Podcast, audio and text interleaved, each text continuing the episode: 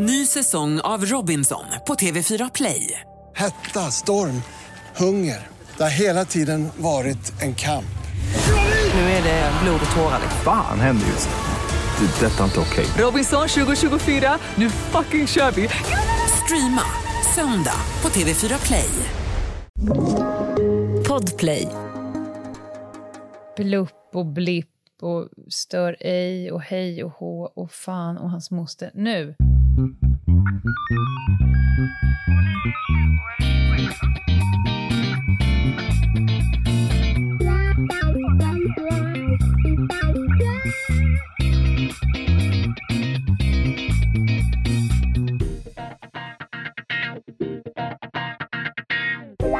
Välkomna till krimpoddarnas krimpodd Över min döda kropp med mig, Anna Jingede och Lena Ljungdahl. Avsnitt tvåa, sjua, nolla. Är det så pass? Ja, 270 alltså. skröfset var ju 269. Just det måste det. vara 270. Ja, Vi är så härligt. jävla långt i förväg nu för teen så att man tappar ju så att säga momentum. Vi är ju vana att spela in en kvart innan det ska sändas. Ja, ja, men det här har vår nya kompis Oliver styrt, styrt upp så bra. Han styrt upp oss och det Ja. är kanske den första i världshistorien som har lyckats Som- styra upp oss. Ja, tack för det Oliver. Men hörni, välkomna till ännu en härlig krimvecka. Vi har varit på bokmässan, Anna. Vi har varit på bokmässan Jävlar. Det hade vi redan i måndags, men det visste vi ju inte då. Eller ja, vi visste det, men vi visste inte hur vi hade det. Men nu vet vi hur vi hade det. Nu har det hänt, så att säga. Det Ge mig pratas- dina topp tre upplevelser nu. De kan vara bra och dåliga. Jag vill ha Eh. din topp tre-lista av saker du aldrig kommer glömma. Eh, det, det måste ju vara, en måste ju vara mitt försök att approchera Björn Hellberg. Och han fick en flatline och inte alls kände igen mig trots att jag suttit två timmar hemma i hans kök på påskafton i detta år. Alltså, och jag ska säga en av mina topp tre upplevelser är att titta på dig när du nykär går fram till din och han inte överhuvudtaget vet vem du är. Det är episkt alltså. Åh. Och jag, säger, och jag försöker hjälpa till och säga så här, ja, alltså det var ju mig du spelade in den här instruktionsvideon till och han tittar på mig med ögon som vandrade mellan mört och gädda och bara, aha. Åh, gud alltså. Det var ju alltså. plågsamt. Men, men jag gav mig inte så lätt. Så jag, Nej, gjorde nej. ett nytt försök dagen på. Ja, absolut. Och det förstod vi alla att du skulle göra. Och då, Jävla Ja, äh, kaninkokerska. Nej, men det var ju ett minnesvärt eh, Den är ändå, det måste jag säga. Det är ett minnesvärt ögonblick. Sen måste jag nog ändå säga mötena. Alltså om man nu kan få Mhm. så här, gruppera ett, gäng upplevelser till en punkt om du förstår hur- jag menar. Mm, du gjorde För- precis det. För vi har gjort väldigt eh, många härliga och haft väldigt många fina möten med människor. Inte minst eh, lyssnare av podden, läsare av boken, författarkollegor. Det tycker jag har varit kul att få träffa och liksom stifta lite närmare bekantskap med andra debutantförfattare och sådär. Mm. Har du tre sådär som du direkt... Eh, ett, jag är ganska glad och lite stolt över att jag gjorde det. Ja, jag är Alltså- det blir min tredje punkt. Jaha, Att- nu snodde ja, du min då. Ja, nu, jag Okej. snor den bara. Ja, ja. För att det, jo, för det, jag har verkligen, jag har skrutit över dig. Vi har fått många frågor om just detta. Mm. Och jag, alltså, jag är så impad av Lena Ljungdahl. Så att få göra Ja. det här, dela upplevelsen med dig från början till slut. Utan några Mm. undantag. Det har ju varit otroligt maffigt. ja. Så nu kan du komma på Okej, en ja, då snodde du, du, ja, men du snodde min andra också där. Jättekul. nej, nej, men att jag gjorde det. Och faktiskt, jag ska säga att jag undvek ingenting. Däremot så har ju jag jobbat till större del än vad du har, att jobba upp och ner på hotellrummet och, och ladda Mm. om. Och medan du med din stamina bara har du vet, som en jävel mangel gått igenom det hela. Ja, Eh, men jag var med på alla delar som vi skulle vara med på. verkligen. Verkligen. Inklusive middag och fest. Alltså inklusive efterhäng på en sunkig karaokebar. Ska Ja, sägas. men där kanske jag inte bidrog mer än att jag satt längst bak och surade. Men jag var där. Det kan fan ingen ta ifrån mig. Nej. Punkt nummer två var ynnesten att få dela med dig. Ja. Och vi hade ju ett litet snack där någonstans att det här äh, tryggheten, Mm. den, den totala tryggheten i... Det var väldigt sällan vi visste vad som väntade oss. Vi har ju fladdrat runt på olika scener, haft författarsamtal, vi har livepoddat och så vidare. Tryggheten i att bara så här, äh, luta sig tillbaka och Mm, äh, det kommer sant. lösa sig, vilket det hela tiden gör. Och Enig. min nummer tre måste jag ändå säga, när vi blev intervjuade av Kristoffer Karlsson, heter han så? Ja, det heter Ja. han. Tillsammans med en superetablerad norsk författare, Jörn Holst. Och, och han då på norska berättar om sin bok. Och long story kort, lite cold case, eh, så här, engagemanget i civila som vill utreda ett gammalt brott. Och då hör en gubbe av sig till honom och säger, och han hette tydligen Bävermannen. Och jag ju ut frukosten genom näsan. Ja. Alltså jag bryter ihop. Och Kristoffer då som lyssnar på en podd säger ganska snabbt så här, håll för fan ihop det nu Lena. Det säger han i sin mick. 30 procent av, våra, av vår publik är poddlyssnare. De bryter också ihop. Så att jag kan inte titta på dig, jag kan inte titta på Kristoffer, jag kan inte titta på publiken utan jag bara eyeballar den här stackars norska författaren som fattar ingenting. Nej. Och han vänder sig frågvis till mig och lite som att så här, vad fan var det som var så kul i blicken? Varpå jag hör mig själv säga, nej men jag älskar bävrar. alltså, det var det enda jag kom på. Alltså, vissa grejer förtjänar inte att försöka räddas upp. Liksom. Och det där var Nej, kanske nej. ett, bra exempel på en sån sak. Ja, men det var, där har du min topplista. Ja, men den var bra ju. Fasen var bra. Ja. Men nu är det ett år till nästa och eh, vi behöver smälta och ta bikuper på den här i olika omgångar. Men nu ska vi fan podda. Ja, och idag får vi väl säga välkommen till ett nytt litet koncept i krimpoddarnas krimpodd. Ja, Vi har... ska jag berätta? Ja, ska kör du? du, kör du. Du tystnade så länge så jag visste inte du, om du lämnade över en stafettpinne eller inte. Jag gjorde det som en gåva. Eller om du bara Varsågod. dog en kort stund. Jag är så van att du bara dör. Nej, men vi har bestämt oss att sista torsdagen i varje månad, Mm. det blir ju lätt att komma ihåg. Eller är det torsdagen innan merchen, eller hur blir det nu? Ja, det blir det väl. Ja, det blir det. Ja.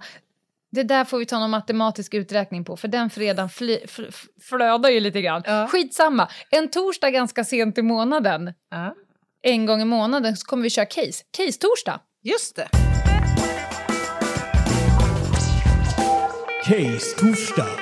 Ett case i månaden kommer ni få av oss. Alltså det här tycker jag känns nytt och fräscht. Alltså inte casen, de kommer vara gamla och eh, fräscha. inte, inte varje samma gång. gång. Nej, men de kommer ju inte vara dagsfärska. Det kommer de inte vara. Nej, det kommer de inte vara. Och, och det idag är första gången. Ja. Och det är lite du som är vid rodret. För att, eh, ska jag berätta ingången på det här? Ja, det tycker jag. Bjussa på det gärna. Jag är ju med i en Facebookgrupp kopplad till eh, ett område i Dalarna. Eh, och där var det någon då som, som hade gjort en jävla massa research gällande mord i Dalarna, historiska mord i Dalarna, och ville då dela med sig av det här. Varpå jag högg och började messenga med honom. Eh, och kom över en guldgruva av inte bara mord i Dalarna utan även i Stockholm och eh, eh, svensk-amerikaner. Alltså vi har så många härliga case framför oss så där han har gjort stor del av förarbetet. Ja, eh, och sen har vi tagit det vidare, broderat vidare. Och sen var det ju ett av dem nu som du bara, det här kan jag. För det, du är ju så att säga farligt nördig på att läsa gamla case, vilket jag absolut inte är. Så att Nej. jag kommer stundom luta mig lite tillbaka och göra små eh, fräscha instick. ja, det låter ju alldeles förträffligt, Lena Ljungdahl. Nej, Vart ska alltså, vi? Vi ska faktiskt uppehålla oss i Upplands Väsby denna gång. Och Lapplands Väsby, Ja. strax norr om Stockholm. Just det. Och slung oss tillbaka drygt 100 år i tiden, till 1913 som, och, och eh, till Hammarby socken, socken som numera är Upplands Väsby kommun. Och kanske så känner några av våra lyssnare igen det här caset som Hammarbymordet eller apotekarmordet. Därför... Men, men, stopp! Ja, Stopp. Vi glömde säga en väsentlig sak jaha. som jag tänker ändå behöver sägas. Nu när vi ändå har ett nytt koncept med gamla case. Det är inte bara att vi kommer dra gamla case utan vi kommer göra så som vi har gjort med de gamla casen tidigare. Ifall det är några nya lyssnare här nu när vi ska så här belysa rättsväsendet. Vi blir inte helt plötsligt en casepodd. Utan Nej. vi kommer ju, det är så vi alltid gjort. Vi tittar på ett case och sen kommer vi själva fundera över allt från indiciekedjor till kriminalteknik du, nu och då kring varför hade man ingen spaning. Så att vi kommer göra ÖMDK-style på casen och inte bara rabbla olika typer av eh, eh, sagor för er. Nej, Jag ville bara ha det sagt. Precis. Bra. Bra Mm, inspel tack. tycker jag. Hur som helst, vi ska prata om ett ännu ouppklarat mord. Nämligen det på apotekaren Johan Hallbergsson. Johan Erik Hallbergsson han föddes eh, 1863 eh, och antogs som apotekselev 1880 i eh, Ängelholm och fick senare möjligheten att avlägga apotekarexamen 1886. Det var liksom hans kall i livet kan man väl säga. Och på den tiden så var det en ganska lång och snårig resa till att få jobba som apotekare. Det var en lång utbildning och du behövde eh, liksom förtjäna så att säga att få jobba i alla fall och driva eget apotek. Eh, och alla de här stegen gick då Johan igenom när han till slut då fick möjlighet att eh, jobba på apoteket i Hammarby 1908. Och eh, den här historien då, mordhistorien, eh, kommer att utspela sig i december 1913 strax före 20.00 på kvällen då Johan Hallbergsson då är på väg att slå igen sin apoteksverksamhet för dagen. Och nu var det så att han hade sitt apotek i samma hus som han också var bosatt i. Och det tror jag var ganska vanligt på den tiden, att man liksom bedrev sin verksamhet nära där man, där man bodde, i gamla fina eh, kåkar. Ja, kan det finns ju ett gäng såna apotek kvar här i Stockholm. De är så jävla snygga, Ja, de gamla apoteken. Otroligt fina. Verkligen. Tänk liksom hela så här, inventarierna. Alla de här Mm. maffiga bruna glaskärlen med de vackra mm. etiketterna på. Tänk att få stå där bakom disken och blanda ihop de här medikamenterna. Ändå... Bröstkaramellerna. ja. ja. Nåväl, eh, Johan började då stänga ner verksamheten och en trappa upp då så väntade hans eh, fru Märta som just den aktuella kvällen satt försjunken över en medicinsk tidskrift. Det var nämligen så att Märta själv var också farmaceut och drev apoteket tillsammans med sin eh, make. Eh, de hade också tre små barn som befann sig i huset vid tidpunkten och en barnflicka från Norge som hette Jenny. Eh, och också en, just det, hushållerskan Ebba ska vi inte glömma för hon kommer faktiskt att spela en ganska viktig eh, roll i det här. Jenny var bara 17 år vid tidpunkten, alltså barnflickan. Eh, Medan Ebba beskrivs som en mycket bestämd hushållerska. Men de levde då tillsammans Okej. i eh, kåken här. Ebba var för övrigt 25 år. Nåväl, tillbaka ner till apotekslokalen. Johan hör hur de lever om där uppe på övervåningen och han var lite sen med att stänga nu och titta på klockan. Hon var då nästan åtta. Eh, och det är då det händer, börjar hända saker här i, i eh, miljön. Han skulle diska några medicinflaskor och stod då med ryggen vänd mot entrédörren när någon steg in i apoteket. Och Johan tittade upp mot entrén som låg då i ett annat rum. Och nu var lokalen bara upplyst av en fotogenlampa, så det var ganska dunkelt där inne. Men han eh, uppfattar att det här är fråga om en kort person och klädd i svart och han bär på en slokande filthatt. Jag älskar den här bilden. Ja. Ja, man, visst får man en bild för sig? Ja, Den är svintydlig. Ja. hur som helst, den här mannen han står där innanför dörren och tittar på en mycket förvånad apotekare. Och plötsligt så rör sig den svarta skuggan framåt. Snabbt och vikt som en katt. Drar fram en revolver och riktar den mot Johan. Varvid Johan då tar några kliv bakåt mot medicinskåpet och förbereder sig på kamp. Och det är också det som uppstår. Johan slänger sig mot den här mannen. Han uppfattar väl här antagligen att det är fråga om ett rån kanske, eller? Han inser att han måste försvara sig i alla fall. Han slänger sig över mannen, mm. Sliter åt sig revolvern. Men det som händer då är att han blir huggen med en citat stadig dolk rakt igenom bröstkorgen. Oj, ja då behöver man använda lite kraft. Ja, det måste man ju. Verkligen. Ja. För den här, eh, det här knivhugget eh, har orsakat väldigt massiva skador eh, och bland annat lyckats punktera Johans hjärta.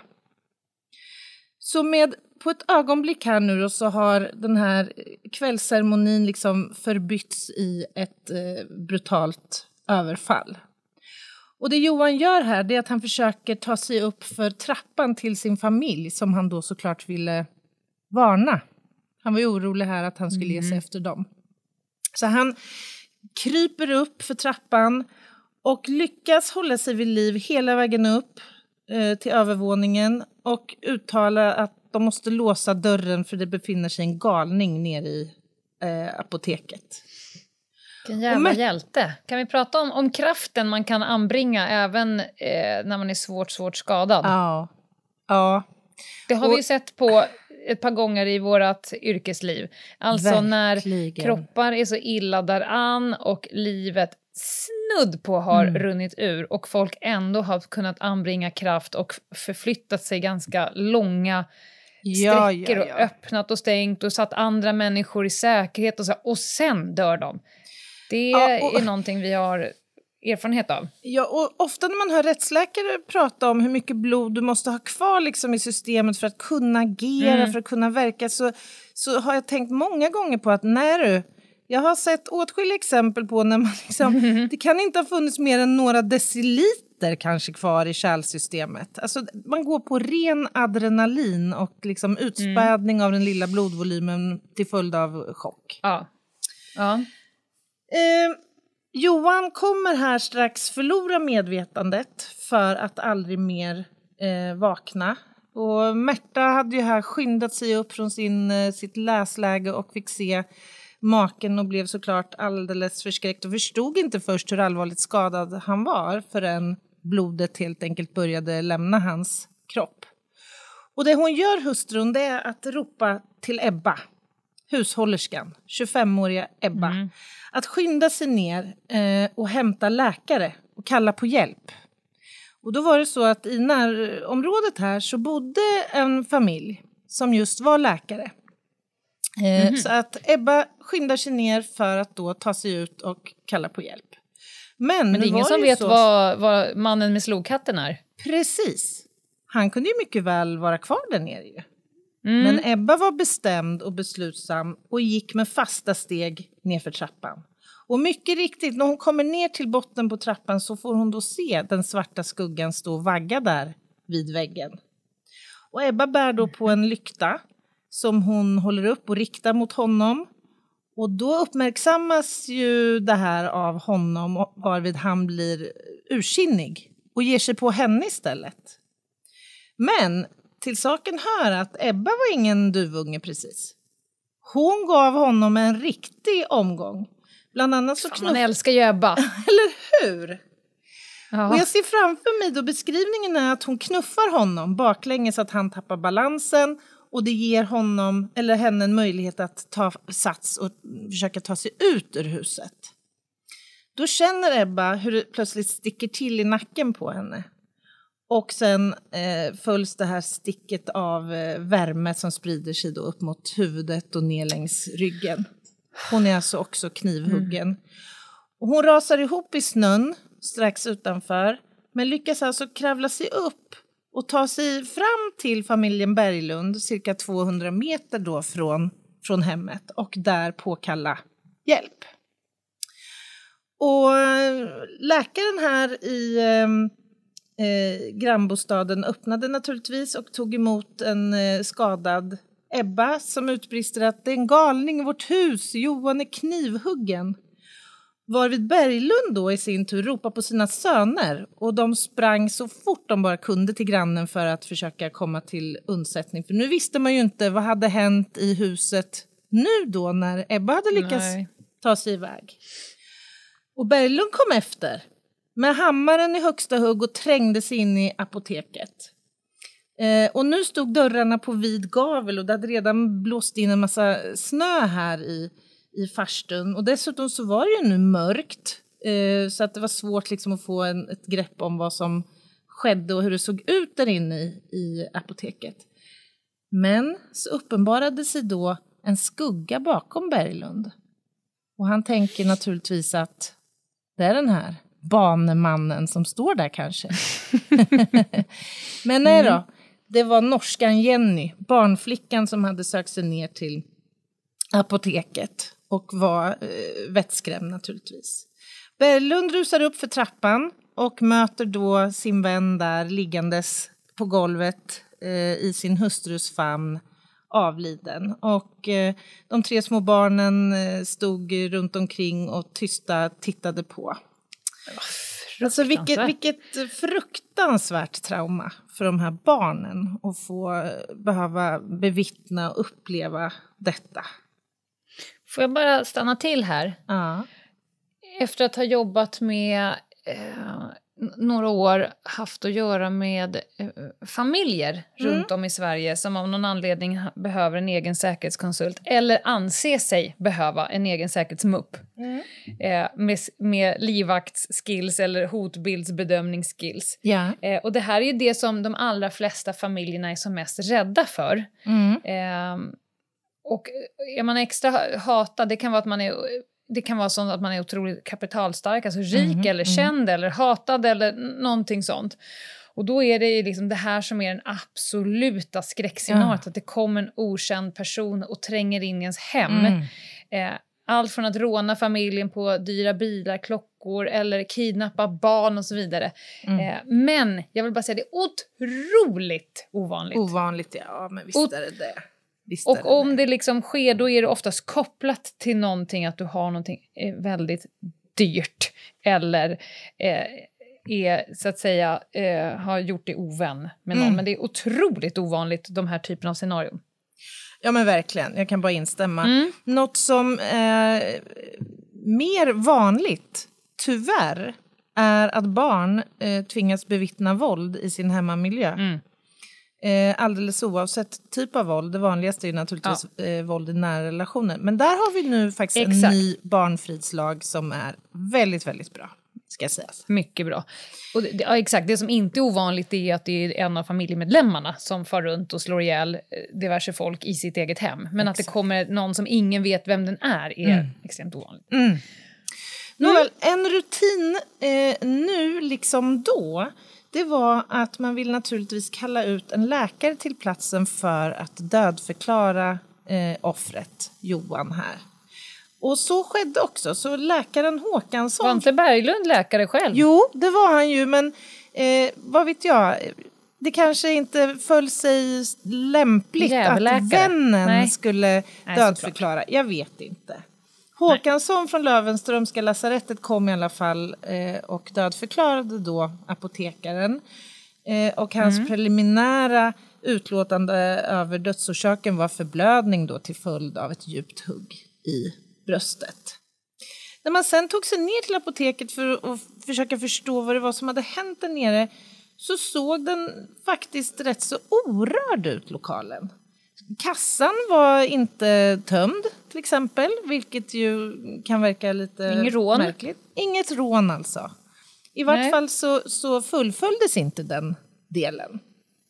Nej. Samtidigt då eh, så händer någonting här i, i, områden, i området. Det är nämligen så att två musikanter är ute och rör på sig i området. De benämns också som gårdfarihandlare. Och jag uppfattar det som något som som handlar om att man rör sig från gård till gård för att handla med varor. Men de beskrivs också på andra ställen som musikanter. Biagio Valente tillsammans med sin vän Giuseppe Giaconelli. Mm, tackar, Man tackar. får ju en känsla varifrån i världen de kom ifrån, eller hur? Mm. Jag hör dem sjunga. De här två vandrade omkring och de sov i stall och på lite alla möjliga obskyra eh, ställen. De hyrde rum någon natt hos någon familj och en annan i ett stall hos en bonde och så vidare. Vi kanske ska nämna något lite kort om relationen mellan de här två. Giuseppe då var den äldre och han hade lovat Biagios mamma Teresa att ta hand om hennes pojke när de då skulle vandra längs vägarna här i Sverige för att tjäna sitt uppehälle. Det var nämligen så att Biagio han var 20 år gammal eh, och när han var liten så hade han drabbats av ett slaganfall vilket hade resulterat i någon form av utvecklingsstörning eller motsvarande. Så han var lite så som man beskrev det då, eftersatt och behövde lite extra eh, tillsyn. Eljest. Lite eljest. Giuseppe han var i 40-årsåldern och han var en veteran ute på eh, vägarna och hade vandrat eh, i olika länder i eh, Europa. Hur det nu bar sig så uppstod konflikten mellan de, dessa två herrar titt som tätt. Han, eh, Giuseppe tyckte att Biagio liksom ställde till det för, för de båda eh, titt som tätt. Men ändå så hade han ju nu ett ansvar att fylla gentemot Biagios mamma här, att få med pojken. Eh, och, och det var något också hos Giuseppe som gjorde att han kände ändå för den här faderlösa gestalten, även om man kanske inte ville erkänna det. Sen var det också så här att Biagio var ett musikaliskt geni. Han var en otrolig violinist. Och det här kunde ju hjälpa dem båda att faktiskt tjäna eh, några daler här och där. Ja. Hur det nu var så gick de då eh, över landsvägarna här norrut och det här var ju då mitt i vintern och det var kallt på ett sätt som de nog sannolikt inte tidigare hade upplevt i Neapel. Och de här uppehåller sig då i närområdet här och kommer att få en viktig roll lite längre fram i den här historien. Men åter till eh, mordplatsen och händelserna eh, i, runt apoteket. För att nu så ska polisen involveras i utredningen. Och då får vi stifta bekantskap med Gunnar Hasselhun i Väsby som vid tidpunkten spelar bridge. Och han ska precis till att inleda middagen här när man kallar på honom. Han ska utbrista ett mord här i trakten, det var oerhört, utropar han och tog på sig hatten, rev med sig värjan och skyndade sig till apotekaren. På vägen så ska han också ha kontaktat Stadsdetektivbyrån i Stockholm för då eh, understöd. Eh, och de lovade att skynda sig till platsen också. Nu var ju inte Gunnar Hasselhun en känd egentligen eh, mordutredare. Eh, Eller brottsbekämpare för den delen. Men eh, han ansågs väl ändå vara den som skulle leda den här utredningen då. När han kommer till Det apoteket... bådar ju gott. Ja, eller hur? Men det är så, så Ja. märkligt. Han beskrivs alltså som en. Som en klåpare närmast i olika Mm. beskrivningar av det här caset. Men man tyckte ändå att han, kanske var det det att han befann sig liksom närmast till. Att han kanske också bodde nära, vad vet jag. Hur som helst, när han kommer till apoteket, då är det trängsel i lokalen här. Man hade ju varken spärrat av platsen eller hållit den fredad i väntan på, på detektiverna. Och grannarna hade ju gått man ur husa här för att nu, nu eftersökte man ju en mördare i, i ehm, trakten. Så de har Ska vi bromsa in lite här, Anna? Ja, absolut. Sker det här nu, att du kommer till brottsplatser och det är trängsel inne på platsen på din brottsplats? Inte inne på brottsplatsen. Det eh, tror jag faktiskt aldrig jag varit med om. Däremot i nära anslutning till eller liksom precis utanför avspärrningarna så kan det ibland ha strömmat till folk. Och det brukar ibland kunna innebära att vi väljer att lägga på ytterligare en avspärrning. Så vi har en inre Mm. avspärrning och en yttre för att också känna oss trygga att arbeta och få liksom arbetsro. Så det händer ju. Och inte Men minst är man nu... generellt duktig på att, på att dra avspärrningar Ja, och freda era det ytor? tycker jag. Det tycker jag. Och särskilt som i ett sånt här fall när det står eh, Ja. klart direkt att det är fråga om ett mord. Mm. Absolut. Absolut. Och, och vi lär ju ut på polisutbildningen att är du osäker, då drar du en stor jävla avspärrning. Mm. Eh, och sen så får kriminalteknikerna själva bedöma hur liten de sen kan göra den. Mm. Eh, för, för det är i princip omöjligt att utöka. Ja, För då ska den utökas där det var trängsel alldeles nyss och då är det ändå precis. kört. Ja, Mm. helt riktigt. Helt riktigt. Ni kan själva läsa rättegångsbalkens 27 kapitel 15 paragraf, så kan ni fördjupa er lite där. Bra. Grannarna här, de ger sig ut nu på jakt, på mördarjakt med påkar och med andra tänkbara tillhyggen och söker igenom skogar och allt möjligt för att försöka hitta en eh, tänkbar mördare. Och eh, Håkansson, läkaren du vet, han mötte upp Ja. Gunnar Hasselhun när han kom och lämnar över till konstapeln då en flaska nervdroppar och revolvern och säger Johan hade dem i sin hand när han dog. Det kan nog tänkas vara bevis. Gunnar, han tittar oroligt på revolvern och de här grejerna han får och lägger allt i sin ficka.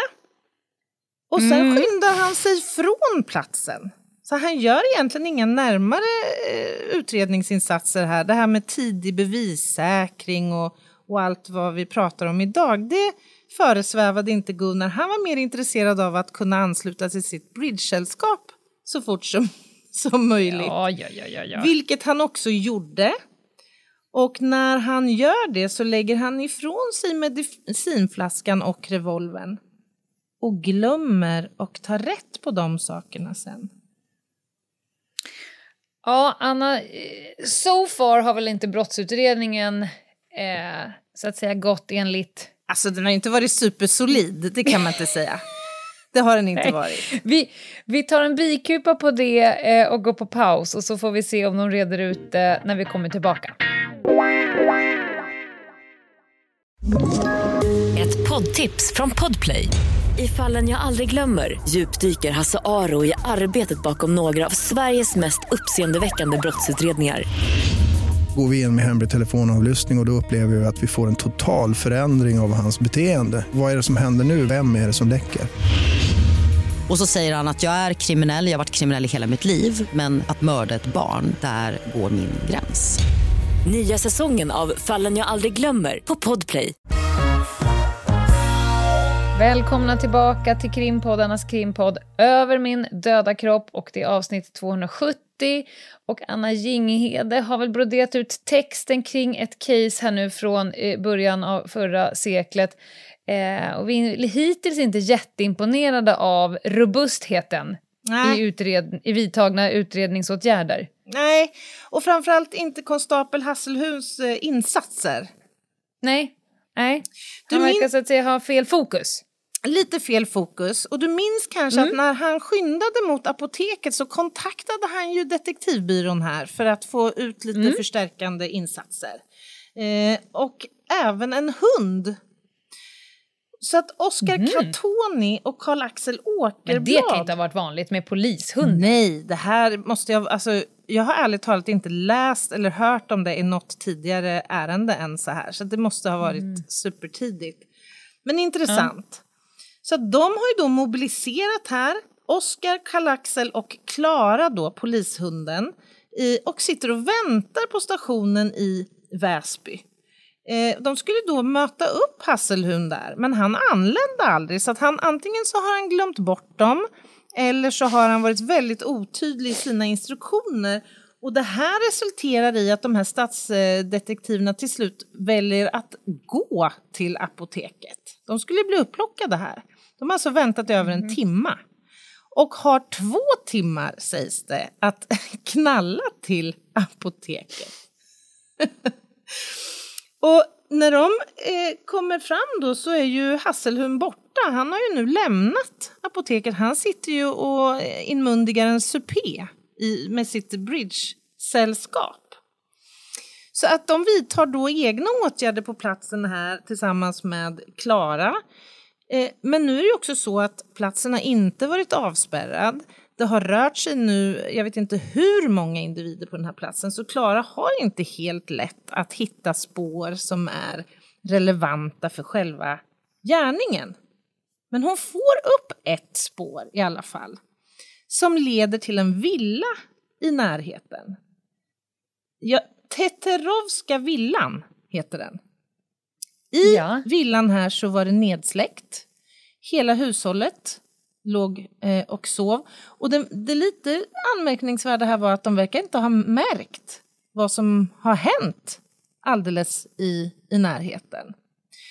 Eh, och man var lite inne på, var det ett falsklarm, hade Klara en dålig dag och så vidare. Så att man tog med sig den här motsträviga hunden tillbaka. Och senare på natten, klockan, eh, efter klockan ett på natten, då kommer hasselhunden då tillbaka till apoteket. Nu då något påstruken, kan man anta, men också mätt och belåten.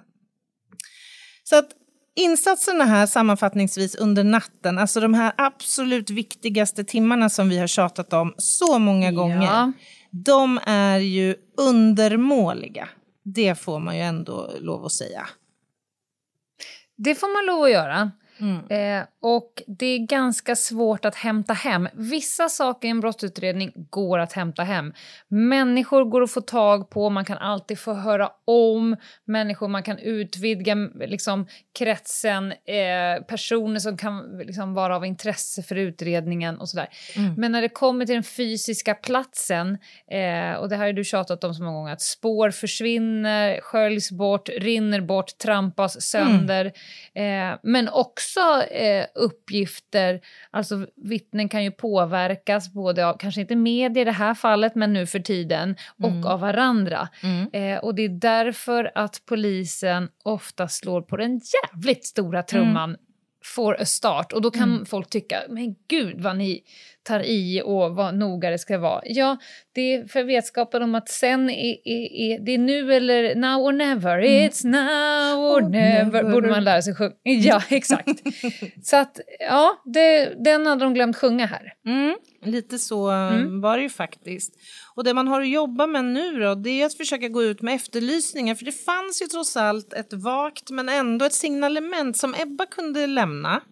Ebba överlevde ju eh, våldet hon utsattes för så att säga och hade nu kunnat lämna ett eh, signalement som också spreds i tidningarna. Och några dagar senare så ringer det i telefonen hos eh, vår konstapel Hasselhun här. Det var då en servitris i Uppsala som tyckte sig känna igen signalementet på den här manspersonen som nu hade eh, beskrivits i, i tidningarna. Men hon, hon menar att hon hade sett två utländska män, mycket obehagliga med mörka otäcka ögon. Hasselhund plockar fram kartorna och börjar fundera på tänkbara färdvägar då.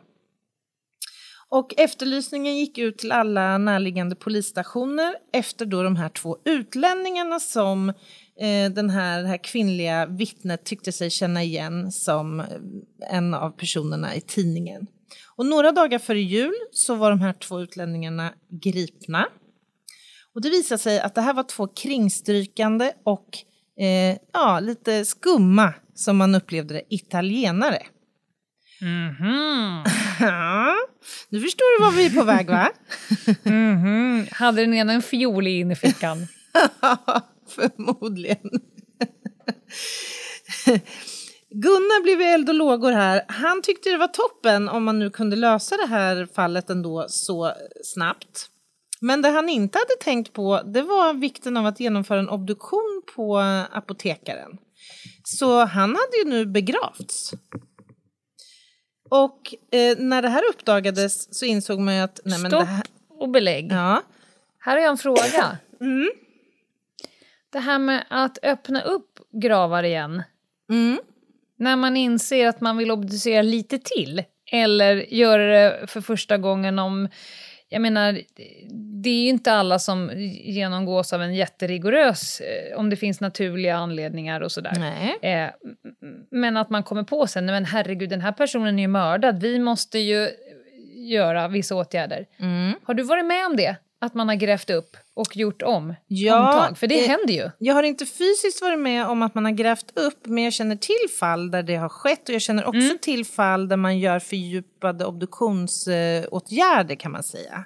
Där det kanske i ett senare skede framkommer uppgifter om att en misstanke till exempel om att en person faktiskt har varit förgiftad och där man då Mm. i bästa fall har sparat en skvätt blod eller vävnad och kan göra fördjupade analyser. Så att det här det händer, men jag skulle vilja säga att den svenska obduktionsstrategin är väldigt bra. Den tar höjd för att eh, saker kan framkomma i efterhand och man har allt annat än bråttom med att liksom avsluta ett obduktionsärende så länge det Ja, det finns bra. frågetecken. Vilket ju är väldigt Det är bra. ganska etiskt, moraliskt besvärligt att Mycket. öppna upp någon där, man, där några har fått ett avslut. Att, så att säga, Ja. gör. Och det här med långtgående förstahandsåtgärder, vilket vi då pratar om både för obduktion men också brottsplats och sådär. Jag bara tänker på alla gånger jag har eh, varit i lägenheter där det ligger en, en död person. Eh, det, finns, liksom, det, kan, det är ganska tydligt ålder eller sjukdom eller olycka eller, eller suicid för den delen. Mm.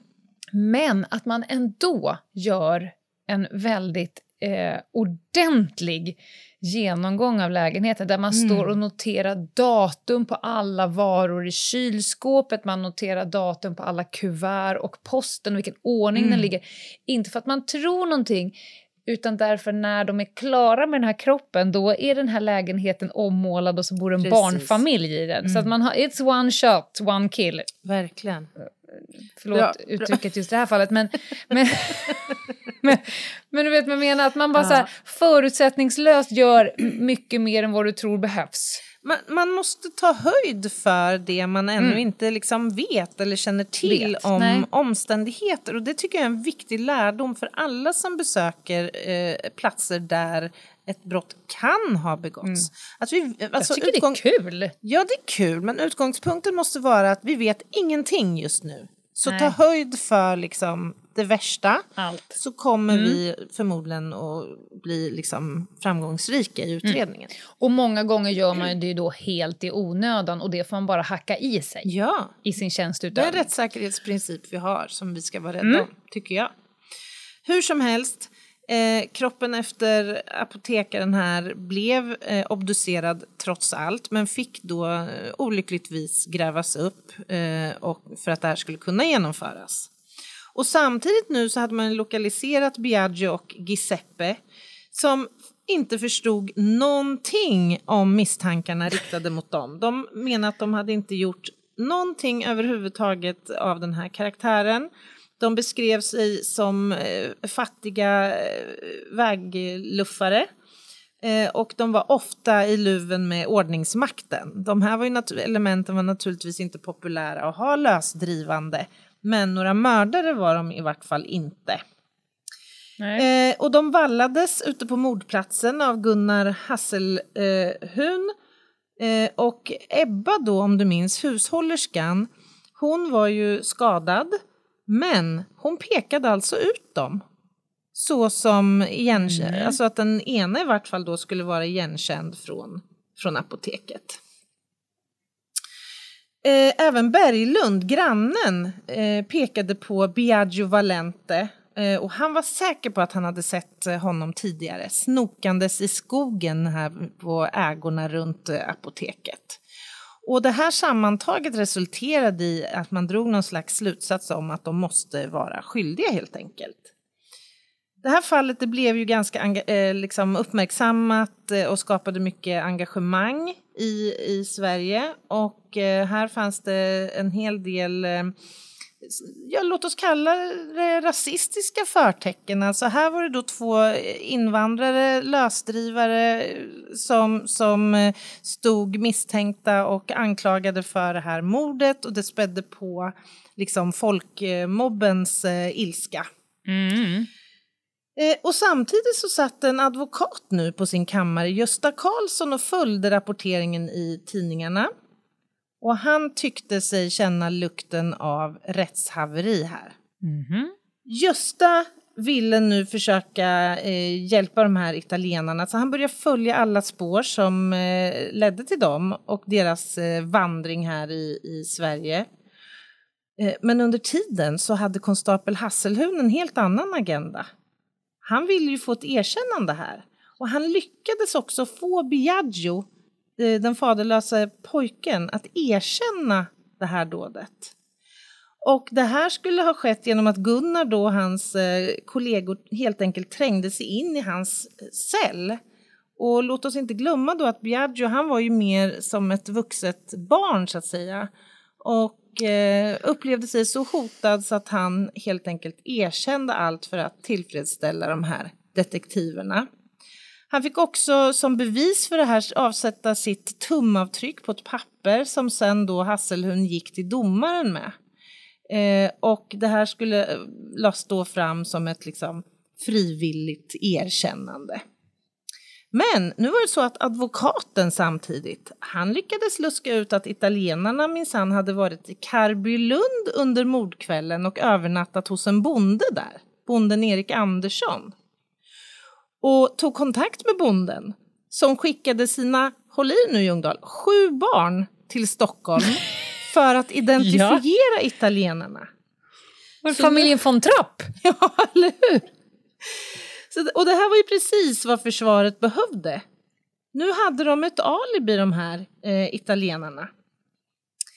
Eh, så att, ja, hur det skulle bli nu var ju lite intressant för snart så väkt, eh, väntade ju ett eh, åtal. Och nu var man ganska Mm. säker på att italienarna hade befunnit sig i den här byn, inte bara den här natten utan flera dagar och kunde helt enkelt omöjligt ha eh, mördat apotekaren. Men åtalet väcktes och det blev tre vändor i tingsrätten och det här startade i januari 1914. Eh, och det skulle gå ända till hovrätten då innan eh, det, allt det här revs upp och Biagio och Giuseppe försattes på eh, fri fot och kunde återvända till Italien. Vill du ha en liten anekdot här? Har du hört begreppet kyss Karlsson? Ja. Det sägs att i glädjen över den friande domen här så lär Biagio Valentes mor ha kastat sig runt domarens hals, kysst honom, varvid domaren svarade Kyss inte mig, kyss Karlsson. Alltså advokaten. ja. Lite Vad kul. fantastiskt. Ja, Ja. ja. väldigt. Ja, hur det än är så det här ärendet för, har ju förblivit eh, olöst även om man har haft idéer och tankar om vem som möjligen kan ha mördat den stackars apotekaren här. Eh, tyvärr så slarvade ju Hasselhun bort de absolut viktigaste bevisen som fanns här. Men det fanns, det skulle komma några poliser efter, bland annat Sven Berglund som skulle börja nysta i det här fallet. Och hans spår ledde till en känd eh, knäppjök, en galning, Nils Arnberg, som visade sig ha bott i eh, Teterovska villan vid tiden för mordet. Du minns kanske hunden Klara som, som eh, fick upp ett spår till eh, villan. Och det skulle också visa sig att en tjänsteflicka där i den här kåken senare skulle vittna om en del märkliga turer den här natten. Nils då, han skulle ha varit ute hela kvällen och kommit hem sen lerig och eh, blodig bland annat. Ja, eh, så att, men tyvärr så är det här ärendet fortfarande olöst, vilket ju är eh, sorgligt. Såklart. Brottsplatsen kan jag säga, Hammarby apotek, det finns kvar än idag, den här villan. Eh, idag så är det inte ett apotek utan en konstnärsateljé och eh, café. Som lite Jag känner, kuriosa. jag känner stort behov av att åka dit. Eller ja, men hur? faktiskt. Ja. Och titta på det. Känna Man vill ju veta hur välbevarat... Ja, men man vill veta hur välbevarat det är. Och om, jag vill också veta var han spelade bridge och var de här äh, revolvern och uh, giftdropparna är någonstans. Eller nervdropparna. Nervdropparna. Ja, men framför allt det som man inte riktigt har lyckats fånga upp här är ju motiv. Det man tänker är ju att det kanske faktiskt rent ut sagt skulle vara eh, ett, liksom, en psykoshandling eller motsvarande, alltså ett, ett motiv som inte egentligen kanske har nödvändigtvis ett tydligt eh, motiv. Eh, I alla fall sett till att ingenting saknades i lokalen. Och jag skulle vilja säga en sak om det här med eh, bevis som, som slarvas bort och så. Det kanske sitter några där ute och funderar på, kan det här hända idag att bevis slarvas bort? Men idag så jobbar, ja det är klart att det kan hända. Eh, självklart kan det hända. Så länge ja. människor har att uh, utföra uppgifter så kan felaktigheter hända. så kan det skita sig. Så kan det skita ja. sig. Men jag skulle ja. vilja påstå, om jag nu pratar eh, forensik och vår tekniska bevisning, så har vi en jättestark så kallad chain of eh, evidence. Alltså vi måste kunna visa i varje steg hur bevis hanteras. Mm. Det vill säga allt ifrån att vi säkrar ett spår på en brottsplats och den förpackas i en påse som märks upp med dubbla etiketter med en signatur. Vi skriver in det i två olika system. Så fort vi flyttar påsen så skriver vi en ny notering. Alltså man ska kunna spåra och följa bevis från mm. att det mm. tas om hand till att det faktiskt förverkas eller lämnas ut eller destrueras eller vad som nu händer. Ja, och jag skulle inte säga att det är liksom unikt för kriminaltekniken. Varenda gång man tar ett beslag Nej, eller såklart. låt säga alla tusentals gånger tagit pissprov Oh, det är så mycket etiketter och så man fylla i liksom klockslag, vem som tog mm. det, vem som har verkställt det, vem som har tagit beslut och så ska det klistras där, sen ska det klistras över locket, sen ska det ner i ett kuvert mm. och så klistrar man en ny etikett över den här lilla strippen på kuvertet. Mm. Man ska också sätta sin signatur på den lilla strippen så man bryter så ser man att någon har brutit mm. signaturen och så vidare mm. för att det inte ska bli fel. Men det blir det ändå ibland, men det är väldigt ovanligt. Ja, det är det. Det vill jag ändå påstå. Det finns oftast naturliga förklaringar och så krävs det ett PM och sen är det bra. Men det mm. här har ju varit en chain of hell, ska man ja, säga. Ja, det kan man säga. Det kan man säga. Mm. Ja, det var mordet på apotekare Johan Hallbergsson det. Men du, eh, tack, du ska ju Anna. få bjussa på en rövhatt också. Ja, men tack själv. Det ska jag verkligen göra. Och eh, bara ett tips, gå in på vår Instagram, Ljungdahl och Ginghede. Vi kommer ju för varje avsnitt så lägger vi upp en bild eh, med avsnittstext och under den bilden så kan ni absolut skriva vad ni tyckte, om det var något särskilt som ni tyckte var mm. intressant eller sådär. Och där brukar det dyka upp lite annat. Eller så går ni in på Facebookgruppen som heter Över min döda kropp eh, eftersnack och diskussioner. För där är det ett gäng härliga admin-tjejer som också lägger upp en bild för avsnittet och där brukar ibland bli sköna diskussioner om mm. avsnittet. Och sådär. Just det. Det, finns, det finns möjligheter att, att pysa ur sig tankar och funderingar efter våra avsnitt. Yes. Så gör vi vad vi kan för att fånga upp dem. Bra sagt. Men du, en annan du... viktig sak ja, är ju merchen, Anna. Merchen. Ja, såklart. Säg det. Ja, men alltså den kommer komma till er nu. Som en jävla raket. Som en... Merch-raket kommer den. Ja. Den är bara timmar bort. Ja, exakt. För att i morgon, eftersom det här sänds på torsdag, imorgon så är det ju då första fredagen efter löning och det är det ju då uppenbarligen en gång i månaden. Mm. Och då mm. kommer vår merch en unik merch varje fredag efter löning säljs på podstore.se. Den finns bara i 24 timmar och sen försvinner den och sen kommer den inte tillbaka. Mm -hmm. Och i morgon då så kommer en eh, som är jättesnygg som heter Någon måste dö. Mm -hmm. eh, och eh, om man vill se den så går man ju återigen in på vårt Instagram och kikar för där finns det då bilder i förväg som ja. man kan. Jag, jag skulle vilja säga att det är den cleanaste merchen i Stada. Ja, ja. Den är det kittlar lite i Ginghede. Ja, ja, ja, ja, det här går jag igång på. Det är roligt. När, när Milla som då har designat den skickade den så, tänk, så räknade jag ner tre, två, ett och där skriver Anna Ginghede cleant. Ja, det, ja. det är korrekt. Den är clean, det får man fan ge den, den är snygg. Jag, jag, jag, kommer bära den med stolthet. Men du, jag är orimligt mm. nyfiken. Ska vi ut i trafiken? Ska vi mingla runt på bokmässa? Eller var, var, var ska du ta oss idag, Lena Ljungdahl? Vi, vi är semi ute i trafiken. Vi är på väg ut i trafiken kan jag säga. Men Aha. vi har inte kommit dit I garaget så att säga. Lenas rövhatt. Ja men tackar tackar. Eh, ja, vi har så att säga förberett oss för trafiken. Jag var tvungen att gå en sån här handledarkurs på en bilskola, eller trafikskola Ja, tror jag heter.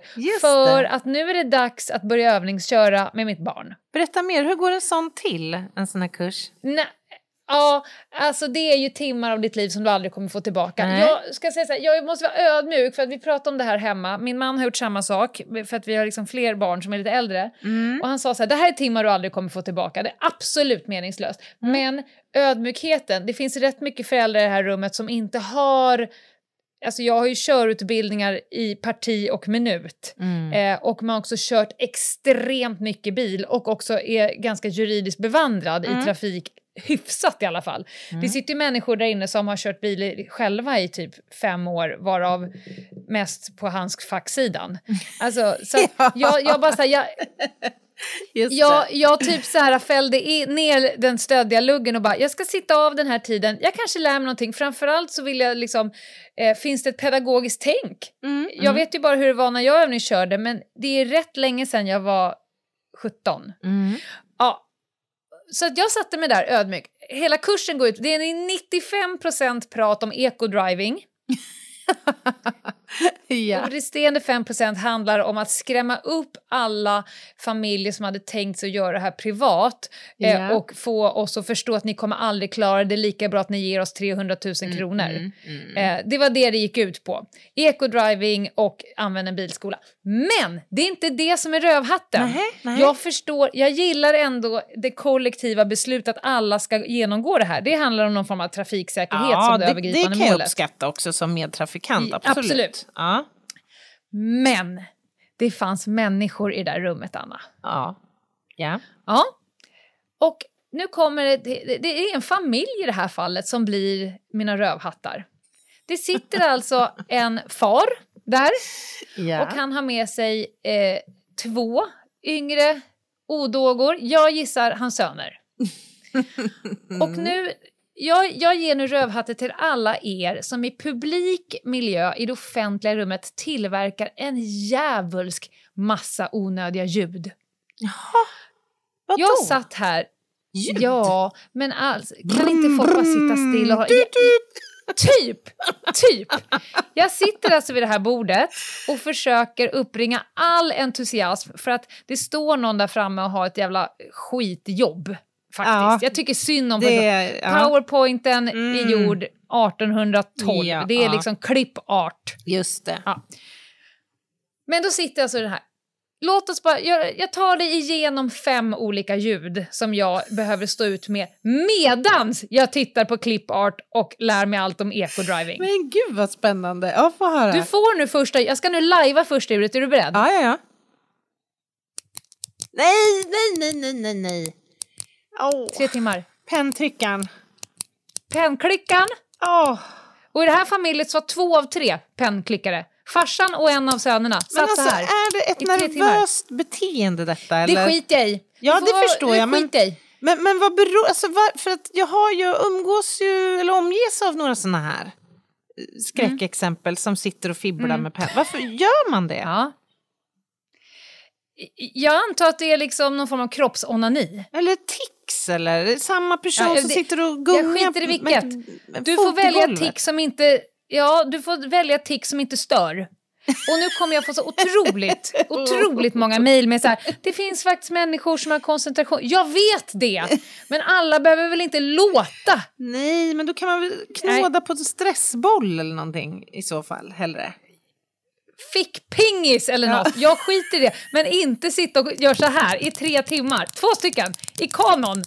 Det var det första. Den pojken som inte satt och klickade med pennan, han gjorde det här. Nej, bet på naglarna! Ja, han bet. Lyssna nu här. Och jag, jag är på, min barn tittar bakom mig och bara, skärp dig nu mamma, skärp dig. För jag satt och tittade på den här Ja. ungen och bara, kan inte pappan... Nej.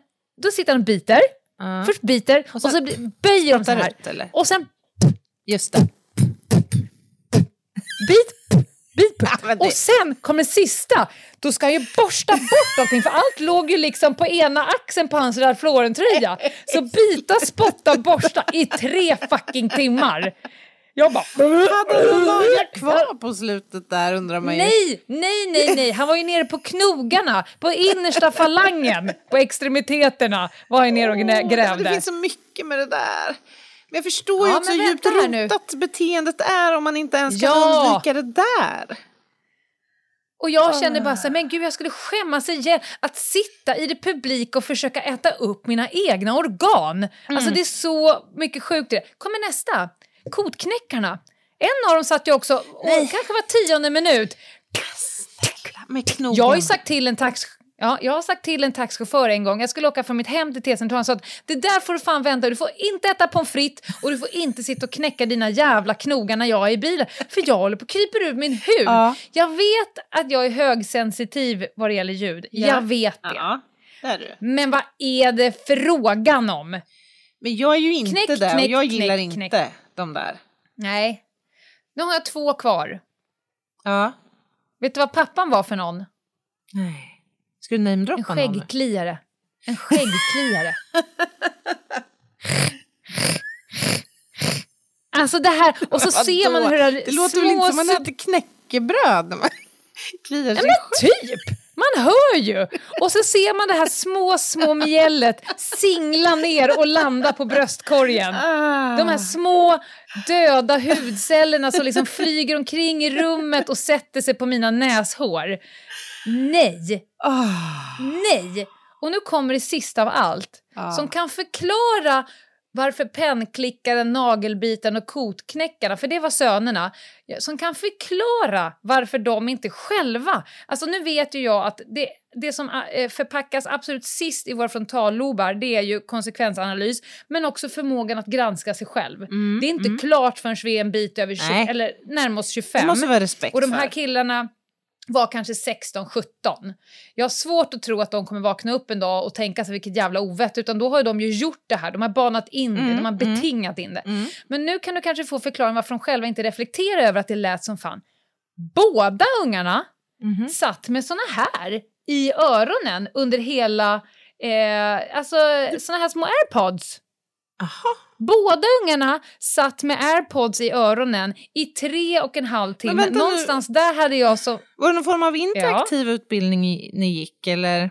Nej, nej, nej, nej, nej, det stod en sate där framme och tjatade om, om, om gasen och bromsen. Nej, nej, Nej, och jag hade av respekt... Min son har i lurar öronen rätt stor del av dygnet och jag har inte riktigt förstått liksom, det gemytliga i det hela. Och, men det ska lyssnas på musik när man pluggar och, och det liksom, de har någonting i öronen. Eller så är de bara där utan att det är någonting i. Men jag hade, sagt, jag hade liksom kört min penna i ryggen på honom och sagt så här, ta av dig lurarna av respekt för den som Ja, står och pratar. herregud. Det spelar ingen roll att det inte är någonting i dem. Du tar inte lurar i öronen när någon pratar med dig. Men en av de här killarna hade också, jag hör ju ett lågt sorl. Han sitter och lyssnar på någonting också. Vilket gör att han hör ju såklart inte sina egna. Nej, nej, Nej, jävla precis. bäverljud. Men, men han måste ju någon gång ha sn- snaskat på fingrarna utan lurar i öronen så att han vet att... Bara, Garanterat. det, det, han blir ju inte Garanterat. osynlig liksom, och ljudlös bara för Nej, att han... nej, nej. Nej, men, nej, men han tar ju ett skrovmål från sina händer varje dag mest troligt. Nej, men alltså ljuden. Ja. All, alla ni, rannsaka er nu allihopa Mm, och fundera på, producerar jag, och då menar inte jag ett ljud här och där som man liksom, man, gniss, man flyttar på en stol eller inte vet jag, någon råkar rapa eller vad fan, skit i det. Men om du är en sån här jävel som lägger en monotom, Ja. äcklig ljudmatta Ja. i mina öron. Sluta Som- som- med det! Också är repetitiv i tre timmar. Ja! Ja! Sluta! Nej, Så jag hörde, det, han kan ha sagt någonting annat än än eco-driving, Ja. men, men det har i så fall gått mig förbi. Mm. Så att om jag och min son kör av vägen, då är, jag kommer i all bestämdhet inför trafikarna hävda att det inte är vårt fel, utan det är de här två pojkarnas fel. Hemklickarna. Det är den här jävla pennan, alltså det här! Och nagelbitarnas fan fel. alltså! Ljuden! Då är jag hellre på bokmässan. Då är det ett massivt jä- då är det simhallsakustik Ja. i fyra dagar. Det är så Ja. högt ljud som studsar på insidan av min, av min hjärna. Men det gör jag hellre än att du sitter och biter, spottar och suger på dina... Sluta! Sluta! Åh, jag, Ja, det var det. Gud vad jag kan relatera till den här Mm. rövhatten. Och är det okej att säga till? Är, är, är, man, finns det liksom en, en tyst konsensus i att jag bara... Du, ursäkta mig. Eh, vi sitter lite här på utbildning. Om du skulle kunna lägga ner pennan, Ja. låta dina händer vara, eh, låta skelettet vila en stund. Pappa, du kan sluta dra i ditt jävla skägg, det sitter kvar. Och om du tar ut dina jävla luröron så kanske du hör någonting. Ja, men- Hade det varit okej ens? Ja, det, alltså jag tror så här, de flesta hade ju i din situation förlitat sig till något form av vettigt föräldraskap här. Alltså att man som förälder Ja, ska men det liksom... inte, det var uteslutet. Men, men det verkar ju vara utslutet och ja, ja, alltså ja, jag hade gjort det. Jag tror faktiskt det.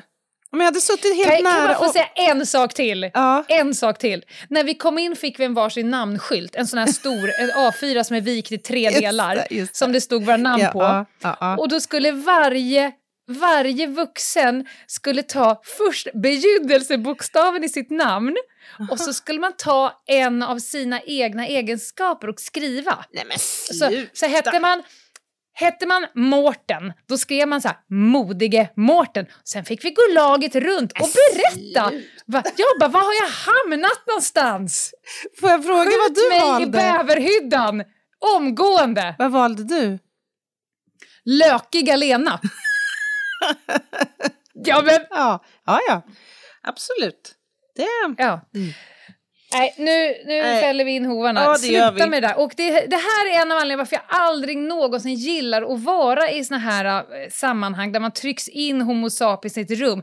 För då behöver man liksom umgås med deras äckliga och ljudsamma sidor. Fast det här är ju Kudos till er abnorma... som klarar av det. Ja, men det här är ju abnorma situationer du ham hamnar i.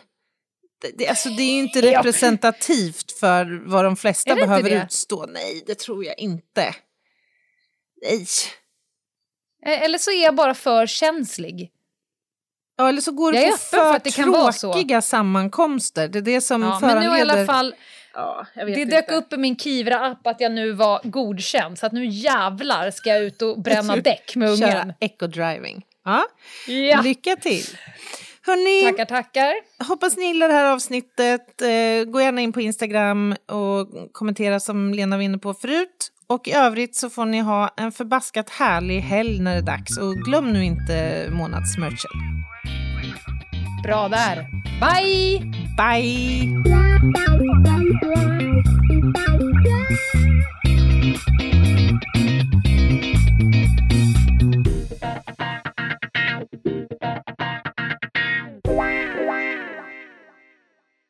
Ett poddtips från Podplay.